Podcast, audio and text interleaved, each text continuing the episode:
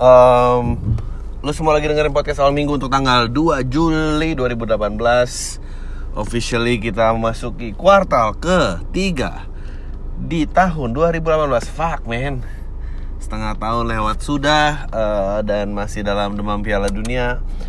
Gue tuh kayak komentator bola yang paling gak excited sama bola gitu ya. Uh, No but actually gue uh, Gue bahas olahraga aja deh. Um, Jadi ceritanya gue uh, seneng uh, demam Piala Dunia. Wah, pertandingan negara gue selalu suka sih maksudnya kayak um, ya banyak hal lah.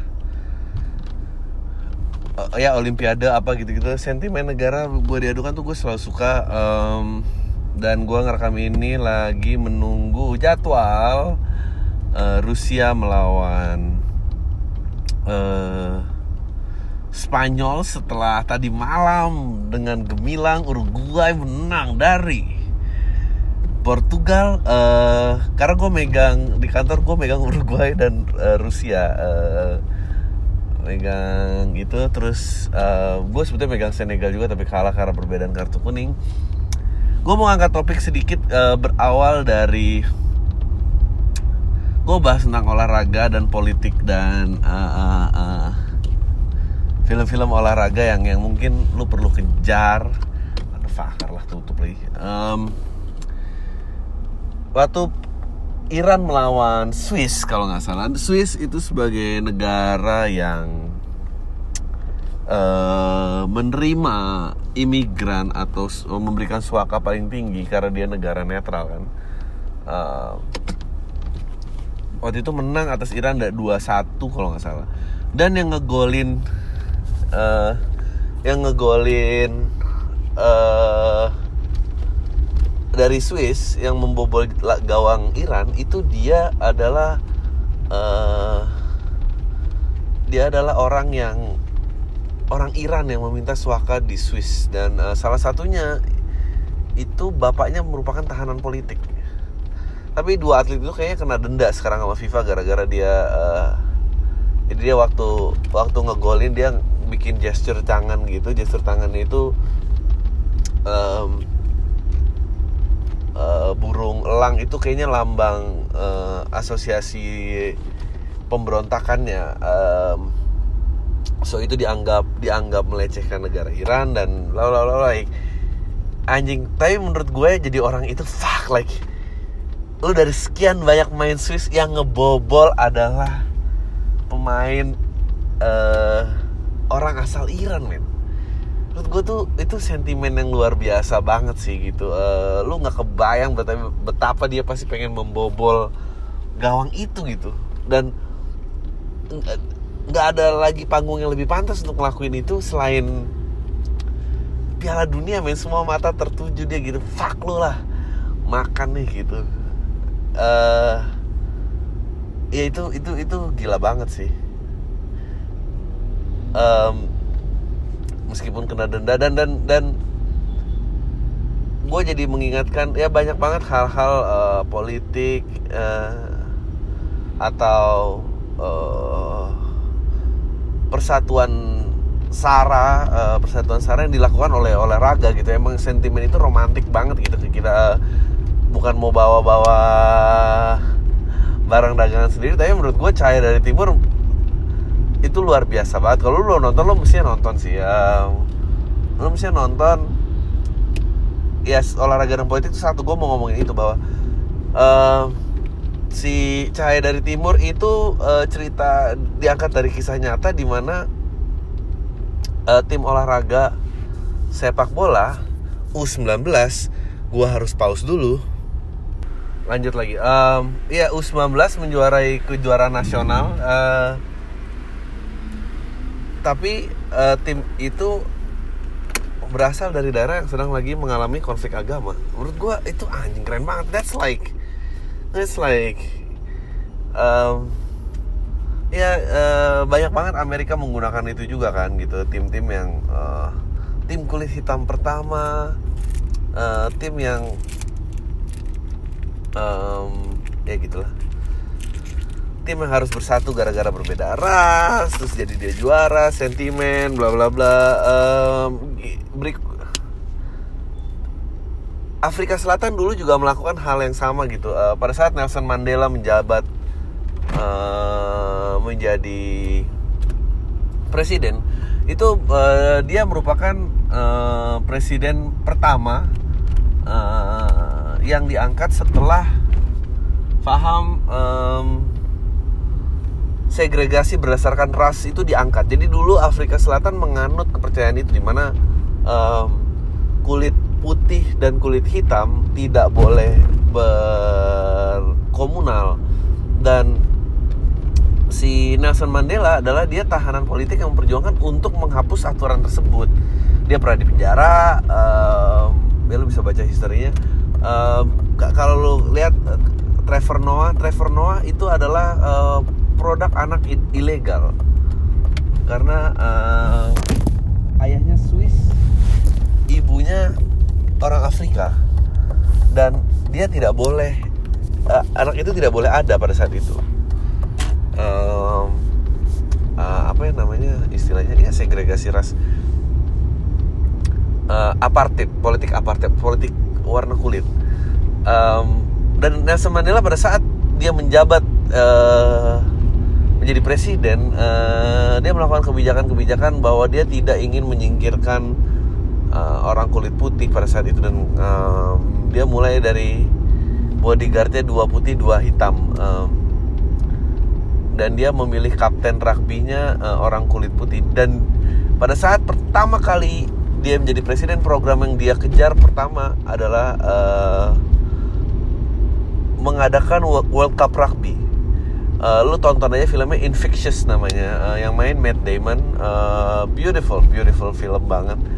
Um, ya sama seperti si orang Swiss yang mencetak gol uh, terhadap Iran gitu. Jadi uh, World Cup itu memang di mana uh, ajang pamer kan ajang di mana semua mata terjudul dan Nelson Mandela waktu itu ingin meningkatkan foreign investment dan menyatakan negaranya aman gue pengen menyatakan bahwa Afrika Selatan itu berhak dan sudah aman sudah legit sudah uh, bisa di apa namanya bisa di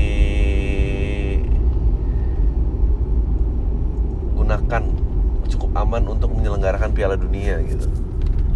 And that was his way untuk um, tell the world bahwa look Afrika Selatan can ini uh, gue nggak tahu uh, gue nggak mau spoiler uh, I think you should watch it. Uh, film-film favorit olahraga gue tuh uh, kalau basket ada Coach Carter, uh, American football Any Given Sunday, uh, uh, Blind Side, Blind Side gue juga suka. Blind Side itu cerita di mana karena kalau American football lu pakai helm lu selalu ada sisi buta yang lu nggak bisa kelihatan kalau lu mau di tackle orang dan uh, si orang ini cerita uh, pemenang beasiswa sekolah atlet orang kulit hitam yang dibesarkan oleh orang kulit putih. Uh, kalau yang kocak ada Cool Runners itu Cool Runners uh, cerita tentang negara Afrika. I think it was aduh Senegal apa?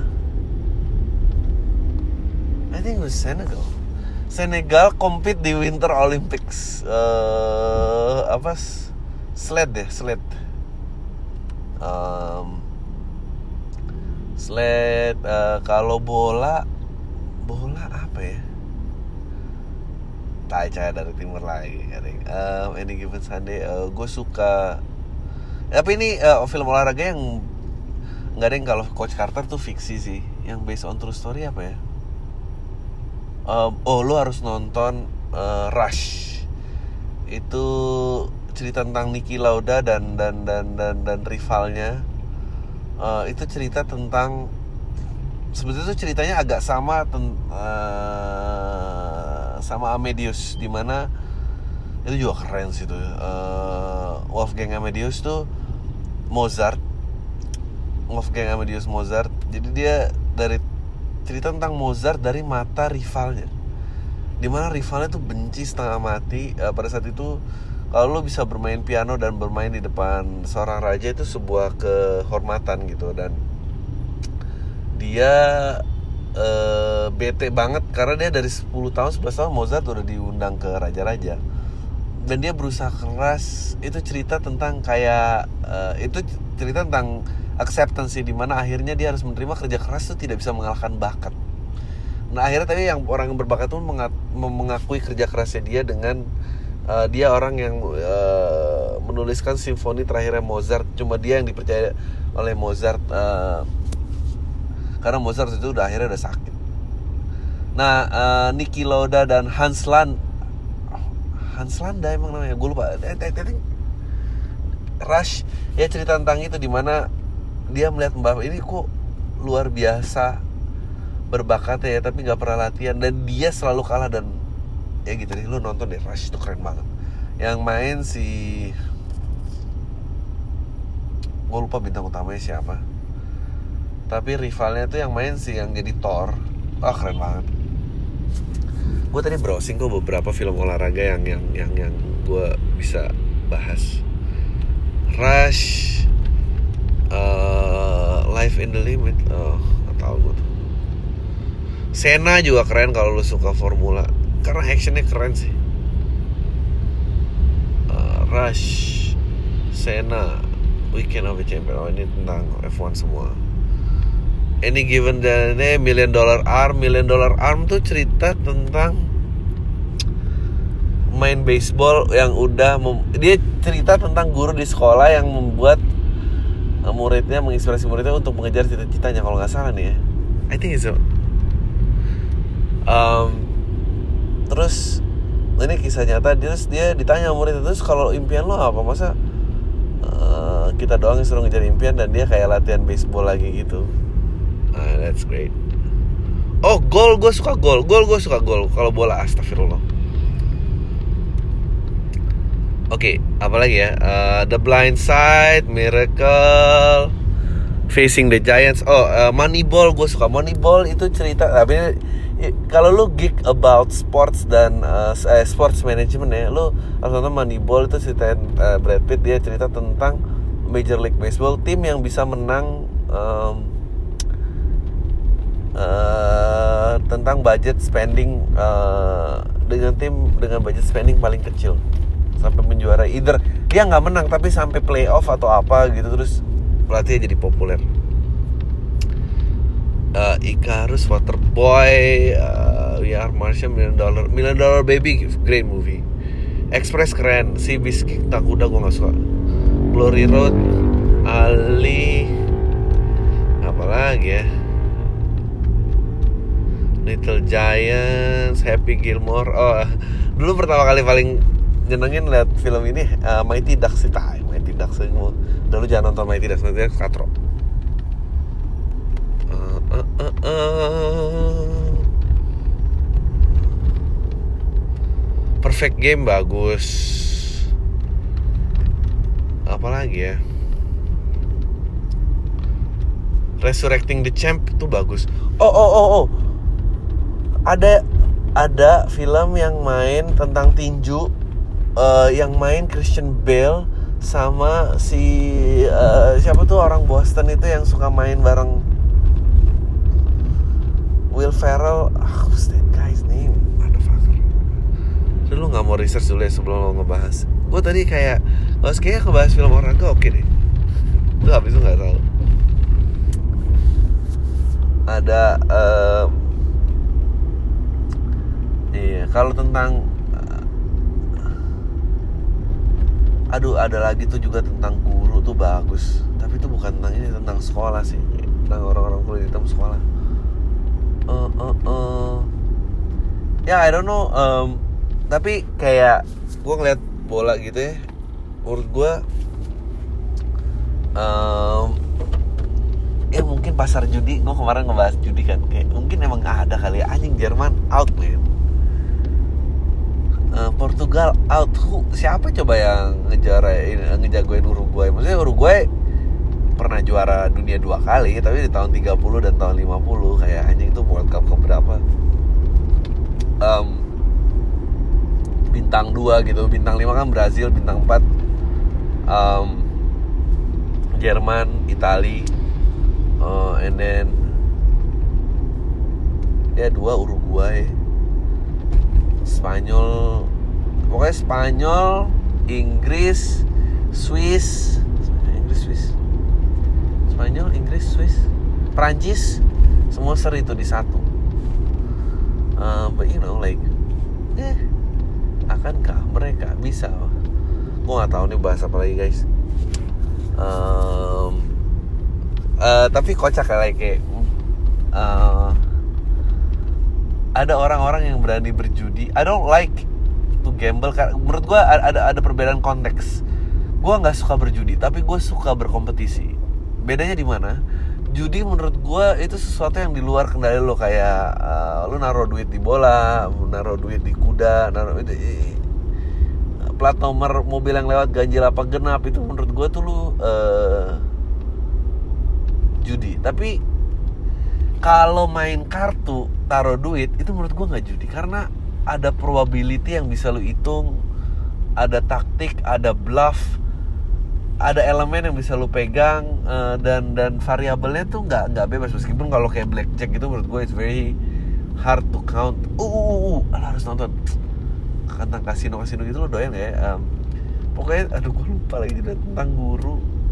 21 judulnya 21 21 tentang guru yang ngajarin murid-murid untuk ngitung kartu gimana caranya untuk ngalahin kasino di di Vegas.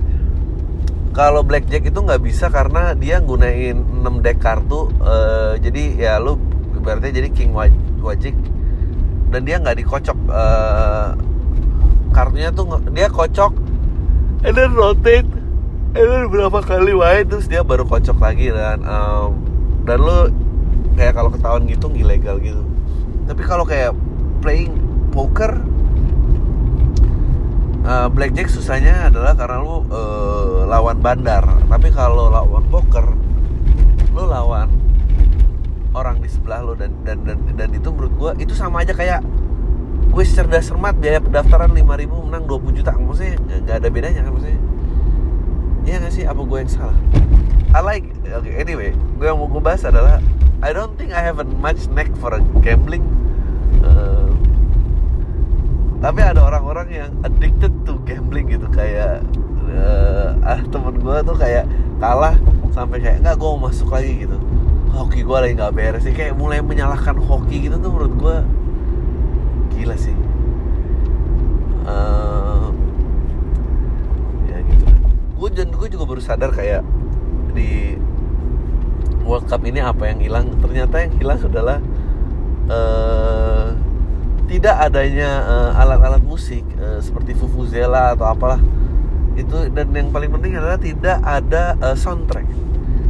Gue baru tahu maksudnya gue baru sekali kayak World Cup gue nggak ada soundtrack ini? Apa karena negara Rusia gitu takut dianggap sebagai uh, propaganda gitu? What the fuck man? Ini gue di jembatan layang ada orang nyupir balik lawan arah Jesus Christ. Um, mana lo dianggap kebangkitan Rusia dan bingung kali semua orang. Uh, prediksi gue nggak tahu sih. Prediksi gue kayaknya Uruguay juara sih karena Uruguay pernah kalah men. Nggak ada yang bisa ngejamin juga tapi kalau menang tuh gue menang. Menang berapa ya gue nggak um, apalagi ya film-film film-film olahraga yang Ali bagus any given Sunday ba lu oke okay, gua akan jelasin sedikit akan American football jadi biar lo akan tertarik. American football itu adalah olahraga uh, kok footballnya. Be, be, jadi rugby Australian football American football itu beda ya. Dan ini yang kita tonton namanya British football emang ya football um, uh, American football tuh dia sistemnya kalau lu touchdown 6 kalau lu kick lewatin post itu dapetnya satu. Tapi dia sistemnya tuh tiga kali serang. Kalau misalnya penyerangan lo fail lo akan balik lagi. Nah um, jadi uh, dan sistem Amerika selalu uh, olahraga yang disukai Amerika adalah olahraga olahraga olahraga yang tidak bisa uh, seri. Uh, jadi even liga biasanya pun nggak uh, ada draw harus sampai penalti dan kalau penalti menang uh, nilainya satu kalau nggak salah? Bukan tiga. Uh, terus Jepang juga apparently liga bolanya hanya ada menang dan kalah tidak ada seri. Uh,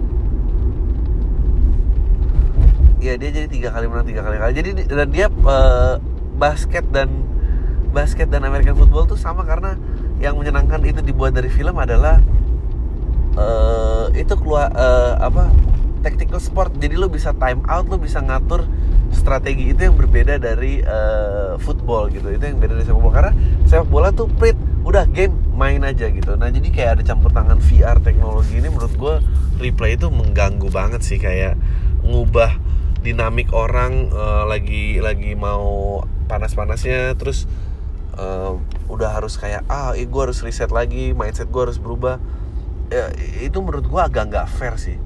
Mestinya nggak usah ada yang kayak gitu-gitu. Uh, tapi untuk kebutuhan film kalau lu bisa time out atau ada half uh, half time masih ada ya. Maksudnya dan dia uh, kuartal kan demen banget tuh kuartal uh, basket sama American football. Itu untuk film sih gila dramatis banget men. Momen-momen locker room momen-momen latihan.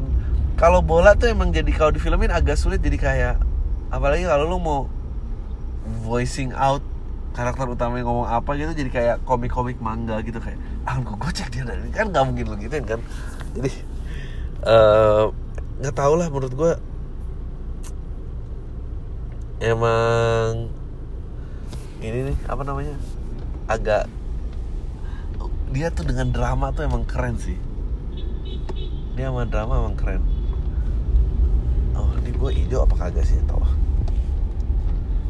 Um, ya gitu deh. Gue mau apa lagi ya? Kalau Amerika mah itu film film film film film gue kemarin ada yang uh, bacain pertanyaan yang menurut gue uh, masih kepikiran sampai sekarang tentang di mana podcast ini uh, memberikan dia wawasan lebih dan dan akhirnya dia balik ke background uh, atau kampungnya uh, itu menjadi orang yang um, apa istilahnya?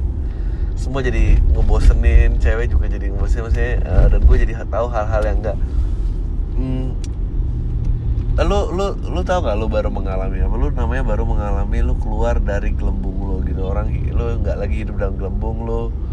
Punya point of view tentang oh bahwa dunia tuh jika lu keluar dari gelembung lu dunia bervariasi sekali gitu. Apakah suatu hal yang wajib untuk keluar dari ya enggak juga. Tapi most gue cuma pengen bilang ke lo most of people itu hidup dalam gelembung. Dan mungkin gue pun gue gue nggak bilang gue hidup di luar gelembung tapi gue selalu berusaha memperlebar gelembung gue dan ketemu banyak orang lagi dan dan uh, apakah itu jalan yang baik? Ya nggak tahu gitu. Kadang bikin depresi juga tapi kadang yang bikin sebel adalah pada saat udah diskusi dan orang ini memang orang ini emang anjing nih lawan bicara nggak tahu apa apa dan gue berusaha nggak ngeforce ya. Gue lebih kayak oh sekarang tuh gue tahu ya gue ngerti. Um, ternyata memang orang ini cuma segitu uh, dan dia udah gitu. Kadang-kadang mau dicobain um, untuk ngubah opininya dan apa juga percuma gitu um, itu dia kenapa gue nggak percaya sama demokrasi sesimpel itu aja tiba-tiba melintir sih um, ya tapi gue mau ngucapin selamat semoga itu membawa lo ke tempat yang lain uh, kita kan semua ingin perubahan ya nggak tahu lo ya gue sih pengen perubahan gue pengen something else. Apa aja deh tapi bukan yang ini. Uh, ya yeah, jadi ngeliat kayak gitu tuh bikin ih ternyata yang lain tuh gitu ya gitu itu itu lumayan sih redek ya sabar-sabar aja. Nanti ntar juga ketemu jalannya. Tapi itu kesempatan lo men. Kesempatan lo untuk berintelektual deh oh by the way uh, thank you banget responnya untuk yang mau jadi tamu um, podcast gue gue pas gue gue uh, lagi gue sortir dan yang pasti gue lagi dari sponsor uh, untuk at least gue bisa ngasih akomodasi lah gitu entah transport atau penginapan. Karena gue nggak pengen jadi Jakarta sentris. Gue pengen bikin ini live stream gue pengen bikin ini uh, ada live audience mungkin gue juga jual tiket. Um, I, don't know tiketnya juga paling buat the, buat akomodasi yang datang. Uh, gue pengen uh, perwakilan dari regional yang berbeda mungkin ada Jakarta satu sisanya yang non Jakarta gue pengen juga bisa di luar Jawa kalau perlu. So uh, it'll be fun gitu karena um, ya ngomongin tentang hidup di dalam gelembung tadi gitu bahwa nggak tahu ya pada saat pilihan terbatas lo tuh berusaha melebarkan pilihan tersebut dan saat pilihan udah nggak terbatas kok. Akhirnya lo hanya hanya seneng mengetahui apa yang lo tahu gitu dan um, jadi gue pengen gue pengen tahu apakah itu benar apakah orang masih mau cari gitu um, algoritma search Google tuh memang agak berbahaya gitu. Kalau emang orangnya doyannya uh, propaganda dan apa dan itu akan selalu propaganda terus gitu. Uh, kalau misalnya enggak uh, ya itu orangnya enggak gitu. Jadi mencari itu source itu jadi jadi sesuatu yang dipertanyakan banget gitu. Um, ya gitu deh kira-kira. Gue oke okay, now let's read the questions. Questions. Da,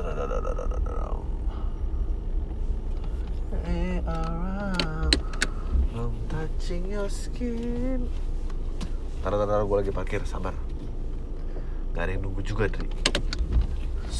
So Sally can wait Oke okay, it's half an hour. You know kayaknya gue udah capek deh ngelakuin sejam. Gue akan 30-40 menit aja. Sisanya ya ya udahlah. Thank you loh semua masih mau stay di sini. Anjing. Oh banyak juga ya pertanyaan. Oke okay. Um, Jadi gini bang. Gue ada naksir sama cewek. Dia itu ada kelas gue dan gue sendiri udah lulus.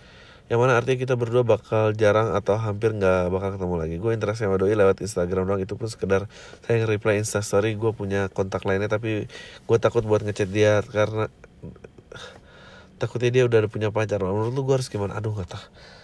Bisa nggak sih pertanyaan-pertanyaan kayak gini berhenti by the way um,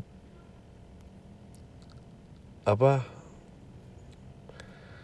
Um, ya gitulah. I, I don't know man. Kemarin ada yang bilang ngechat nembak terus dia diputusin dia sedih bego. Uh, oke ini lamaran tamu. Gue harus move to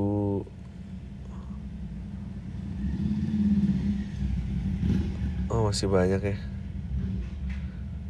Oke ini banyak ya email ini change label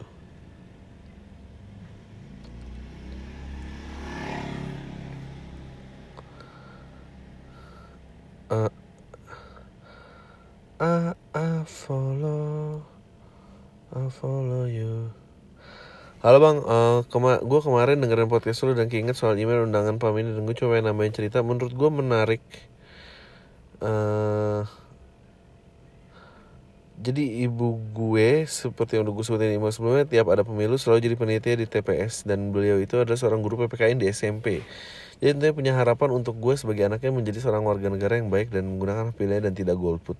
Walaupun sebenarnya gue memang sudah memutuskan untuk tidak golput di tiap di tiap pemilihan mendatang. Nah, memang kurang komunikasi di keluarga gue ini kurang terbuka. Jadi karena besok tanggal 27 ada pilkada serentak, gua masih sering dibilangin lewat WhatsApp untuk pulang ke Kediri dan nyoblos walaupun masih ada kerjaan dan suruh izin dulu buat pulang. Dan katanya terserah mau nyoblos, mau balik lagi ke Malang atau gimana yang penting nyoblos dulu. By the way, grup WhatsApp keluarga yang bareng Pak Debude dan keluarga besar yang lain menjelang pilpresnya cukup adem karena nggak ada yang mau nunjukin political stance mereka. Political stance mereka. Um, mana sih tadi? Eh, dan awalnya kalau kepilih buat jadi tamu pam ini mau dengan bangga gue pamerin tapi sialnya bakal batal karena tiga hari yang lalu. Tiba-tiba ada seorang anggota keluarga yang ngirim bukti-bukti kegagalan pemerintah Pak Jokowi dan bilangnya mau 2019 ganti presiden. Cuma ya gitu kayaknya nggak ada yang peduli dan nggak ngerespon. Oke segini aja bang. Semoga sharing-sharing dengan bang Adri. Dan gue bakal nungguin opini tentang Warin pilpres 2019 ah oke. okay. Oke ini lucu kan Bang gue yang waktu itu ngasih kado ke adik kelas gue Dan lu saranin tembak aja setelah kasih kado Ternyata dia malah menghindar Menghindar tai gitu. Boro-boro nembak bang. Dicat aja gak bales Diajak ketemu gak mau. Terus temennya bilang Dia mau jadi teman aja Dan nyariin gue untuk kejauh dulu minimal 6 bulan. Gue sih mau aja asal bisa dapet dia menurut lo ya dia udah gak mau ya lu udah nyerah aja lah. Tapi kan paling gak beres gitu. Lu gak berlanjut lanjut kayak gitu. Idih demen banget sih lo kayak gitu. Um, santai bang gue cowok mahasiswa semester 7 gue punya pacar sifatnya childish gue kira di awal pacaran nggak apa-apa nanti lama-lama juga biasa. Ternyata capek juga bang ngadepinnya. Gue mulai ngerasa males uh, kalau kita lagi berantem dan dia chat kayak gini. Banyak quote quote tentang cewek atau cowok atau lihat video-video romantis cewek ke cowok sana. Kadang gue envy kapan pacar gue bisa kayak gitu. Tapi gue diam aja cuma bisa berharap harap dan dia masih berpikiran bahwa cewek dan cowok pacaran yang bayar harus cowok saat itu gue berpikir untuk ninggalin dia karena menurut gue I've sacrificed enough to make her happy and it's not enough for her. Ya tigain aja men gue mikir-mikir buat mutusin dia karena ada beberapa alasan. Pertama dia cakep dan gue B aja. Ya kalau lo B aja ya lo bayarin dong. Lo juga udah B aja dia cakep lo minta nggak ngebayarin lagi gimana sih deh jadi tipikal cewek cakep dan bego yang sebenarnya ya bang. Dulu sebelum jadian dia udah pernah gua ajak nginep di kosan gua dan dapet lah main-main dikit. Dia masih polos banget dan gua udah ngerusak dia. Mampus. Setelah pacaran ini gue makin sering ngerusak dia. Gue sering nginep di kosan dia dia sering nginep di kosan. Gitu aja bolak balik yang kedua sekarang kamar kosan kita bareng. Mampus. Bukan bareng yang satu kamar tapi kamar dia sama kamar gue sebelahan. Gue ngekos di campur cewek cowok dan ada juga yang keluarga. Gue mikir gimana mesti nanti tiap ketemu sama satu semester setelah putusin dia emang enak. Lu pindah kos aja dulu baru lu putusin. Ih anjing nih gimana ya? Iya gue gak ngerti sama kayak gue gak pernah sih pacaran kayak gini. Gue gue kelewatan nih fase gini. Gue tuh clear banget ruang pribadi mana ruang bukan ruang pribadi.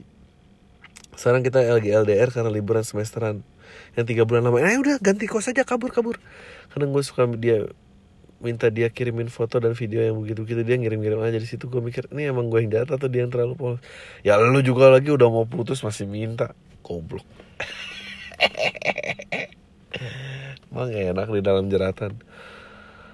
Uh, jadi gue apa, apa gue harus ngomong ini for the sake of having sex? Soalnya menurut gue udah nggak ada apa-apa lagi yang bisa buat gue bertahan selain naluri itu. Gue sempat mikir untuk mutusin dia setelah dan setelah lulus. Karena it'll be easier for me FYI dia angkatan satu angkatan bawah gue ah ya udahlah putusin aja ganti kosan lagi liburan gini men. Gue nggak tahu sih pasti ribut parah sih. Emang apa yang aku gak kasih buat kamu ya bang anjing.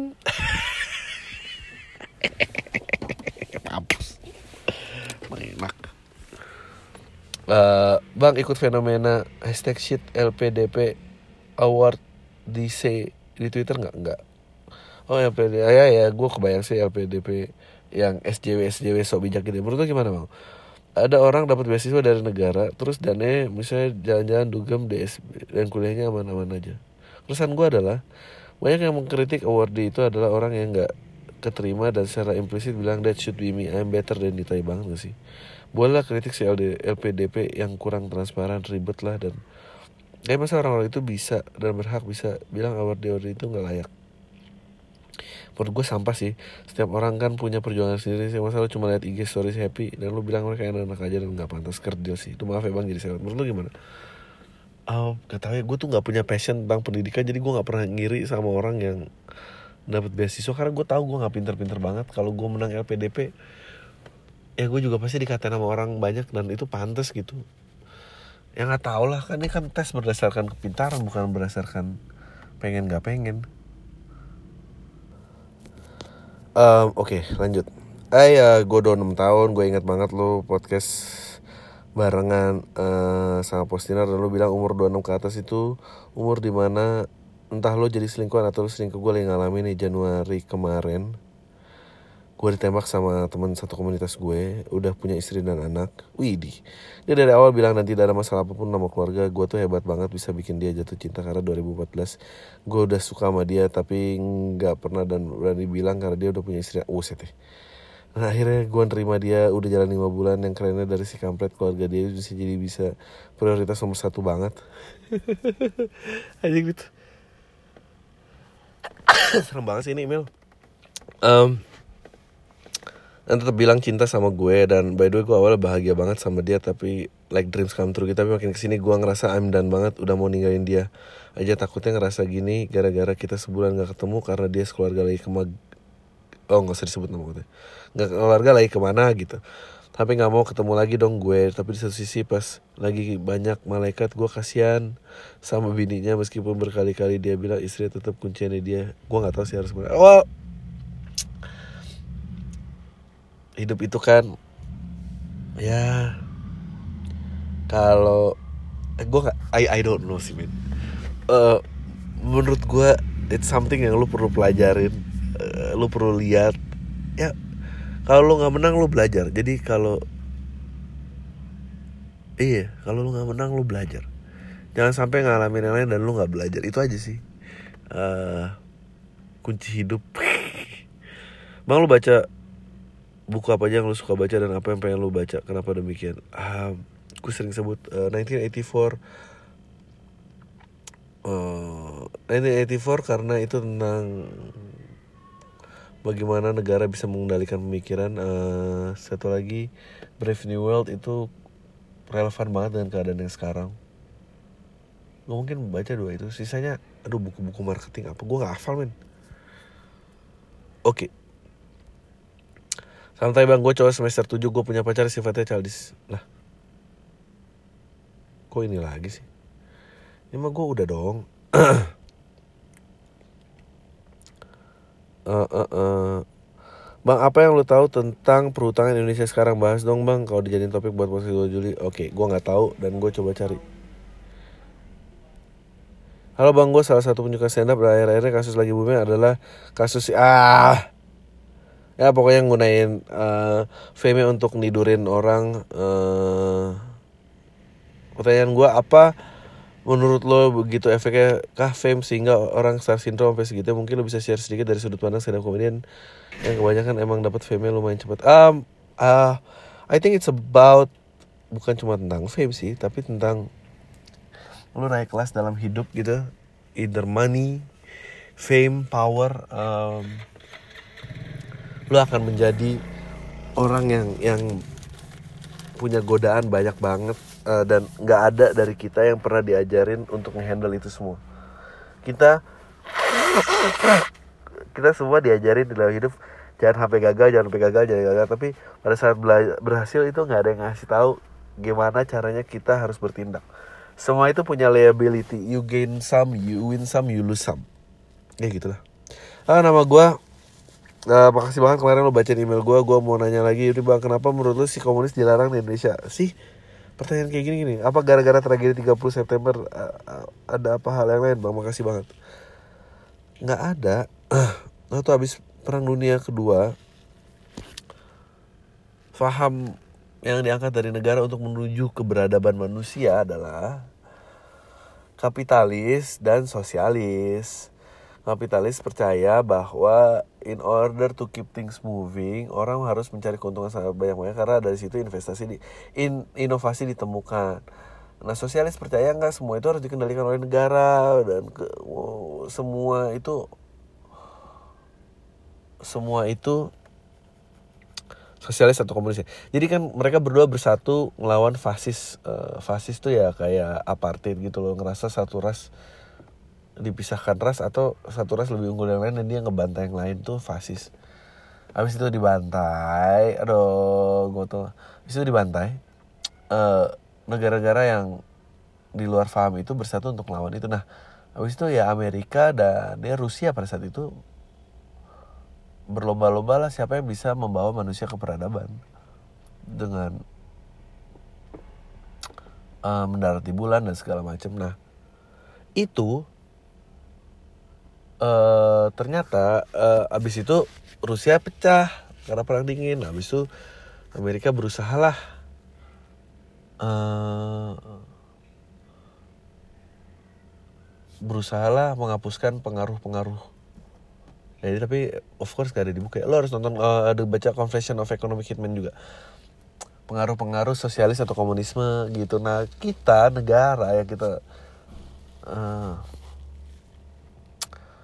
meskipun kita membentuk KTT non blok, tapi kita agak kiri waktu itu ceritanya dalam operasinya. Nah habis itu ya banyak terjadi kesalahpahaman. Ya udah berganti rezim baru ya paham itu dilarang gitu sih. Itu hal paling safe yang bisa, se-safe itu yang bisa gue omongin. Sisanya nggak bisa.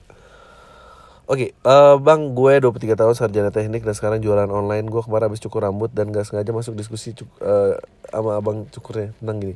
Mendingan mana? Jangan nyusahin orang tua atau jangan nyusahin anak? Menurut lo gimana? Huh? Kalau diizinkan gue mau diskusi sama lo Bang karena biasanya sudut pandang lo tuh beda sama yang lain. Kenapa gue pengen bahas ini? Soalnya gue rasa yang penting si Bang untuk banyak orang banyak banget orang tua yang udah ngeluhin anaknya nyusahin terutama ekonomi yang kurang ada dan banyak ortu yang nggak tahu diri semua. Itu Bang. Thank you udah baca ini. gue sih nggak pengen nyusahin siapa-siapa ya. Itu sih kalau gue. Kalau ditanya mending nggak ada yang mending lagi lalu. Kasihan main nyusahin orang tua juga udah pada tua gitu terus mau apa? Kalau misalnya anak, anak nggak minta dilahirin, kenapa lo harus mewariskan sesuatu yang menyusahkan dia? Jangan, men. Oke, jangan sebut nama. Menurut lo, cowok yang susah move on karena sulit itu nggak bisa lupain pacar yang sekaligus first kissnya gimana? Ah, menurut gue aneh ya pasti susah tapi ya move on aja gitu ya gitulah stop dong kirim-kirim tentang first kiss move on apalah gitu-gitu. Aduh gimana sih? Oke, gue pendengar dari Jogja dengan potensi kurang lebih 6 bulan berjalan ya. Mungkin sekarang udah 80% gue dengerin. Banyak pikiran yang menarik dan nyentrik menurut gue soal sosial media. Orang bilang sosial media baik dan buruknya tergantung siapa yang memanfaatkannya korek. Gue heran aja kenapa lo nggak pakai sosial media sebagai alat untuk naikin pamor diri lo sendiri lalu anak agensi harusnya tahu sosial media sekarang terutama Instagram adalah satu platform yang terbaik buat promosi apa pun. Uh, terus gue rasa ada gak story teman-teman gue dan yang terbaru adalah ask me question dan semua orang berbondong-bondong pengen banget dapat spotlight. Yang pengen ditanya dan tapi nggak paham biar apa gitu tata lain sorry. Apa ya gue kerja di oh yang lumayan terkenal so kalau lo mau butuh bantuan gue buat acara apa gue bisa bantuin dan gue pasti bantu bang. Siapa tahu ada lanjutan PLK mau jalan lagi di Jogja thank you. Um, ya gitu deh. Gue naikin pamor. I try. I, uh, tapi gue dulu era agency sebelum sosial media loh. Jadi things are different. Uh, dan sekarang yang mau dipelajari tuh banyak banget. Eh gitulah. Passion or safety? Bang gimana caranya konsisten? Gue mau ngejar passion tapi takut sama konsekuensinya lah gue single 21 tahun punya nyokap single parent yang jadi tanggungan. Gimana kalau gue kejar passion gue dengan resikonya? Atau cari aman aja. Atau gue udah coba jalan dua-duanya tapi hasilnya nggak ada. Atau mungkin gue harus fokus sama passion gue Sad with little loss of bit mindset. Menurut gue kalau kayak gini tuh jangan banyak tanya. Jalanin aja men. Lu kayak gini-gini juga nggak ke mana-mana dan maksudnya lu kejar passion terus nyusahin orang tua lu tahu dari mana? Karena lu belum ngejalanin. Terus atau lu main aman. Dan lu tahu dari mana main aman tuh uh, bikin lo happy atau lo nggak nyusahin orang tua lo juga. Lo harus move man jangan kebanyakan mikir semua nih yang nggak berani ngechat cewek duluan yang nggak bisa move ah telek lo semua. Oke okay, uh, uh asal dari Papua baru uh, nyusahin kuliah di satu universitas negeri di Marang. Semarang saya dengar podcast Bang Ari sama Irfan Ramli saya relate banget saya lulusan teknik dan sekarang bekerja di salah satu kontraktor proyek pembangunan train oil dan gas sebuah perusahaan asing yang saya di daerah Papua. Menurutku dan pengalamanku kasus uh, mendapat posisi oke di daerah harusnya mulai dari Jakarta. Dan nggak hanya berlaku sebagai penyanyi atau pelaku seni lainnya, aku nggak tahu di daerah lain gimana ya tapi kayak di tempat kerjaku semua orang yang mendaftar jalur lokal enak menjadi administrator helper driver yang gitu deh bang. Kalau dari Jakarta posisinya paling rendah supervisor. Aku bukannya sok-sok gimana bang tapi aku negaranya merasa harusnya aku bisa di posisi supervisor based on my education background. Tapi karena tak aku daftar lewat jalur lokal aku end up jadi tenaga administrator ada lagi yang lebih nyesek temanku lulusan luar negeri eh, di Amerika. Dia kerja dengan posisi yang sama which is gaji kita nggak seberapa banget Kau benar gak sih bang punya pikiran? Atau gak tahu bingung mau ngobrolin sama siapa? Anyway thank you banget bang buat podcast yang kemarin masa-masa tugas akhir pas kuliah. Sukses bang Ari Ay. Semoga sukses juga ya bung ya. Lo bisa mencapai posisi yang lo inginkan. Oke bang gue baru lulus kuliah 7 tahun di umur 25 Kira-kira ada gak perusahaan mau terima gue gak ya ini kayak gini. Ini, ini nanya karena gak pernah ngelamar nih. Enggak sama sekali ikut organisasi juga. Enggak cuma lulus dari universitas 4 terbaik di Indonesia ngelamar men. Ditolak belajar. Itu namanya kecewa. Kalau lu nggak dapet ada penyarapan nggak dapet itu namanya kecewa. Mungkin ah itu yang gue frustasi sih.